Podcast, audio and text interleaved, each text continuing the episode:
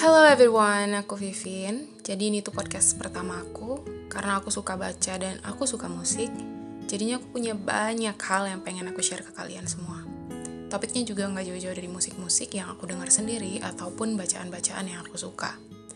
Next, ke depannya aku mau bagi jadi beberapa subjudul kayak musik, kemudian self improvement tentang tips-tips pengembangan diri. Mungkin aku nggak expert banget di bidang ini, tapi seenggaknya aku mau nyoba share ke kalian.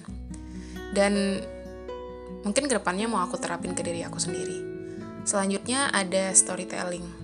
Aku tuh ya nemu banyak banget cerita, entah dari obrolan, ataupun yang aku temuin di buku, yang isinya tuh memotivasi banget, ataupun cerita random yang menurut aku menarik. Kemudian ada sub tentang apa pun yang pengen aku omongin. Nah, aku belum tahu apa, tapi kerandoman ini aku masukin ke subjudul Random Things. And by the way, untuk orang-orang yang setahun ini udah ngasih semangat, support, terus nyuruh, kalau suka ya lakuin aja. It means this podcast. Thank you so much. You guys are the reason I made this podcast.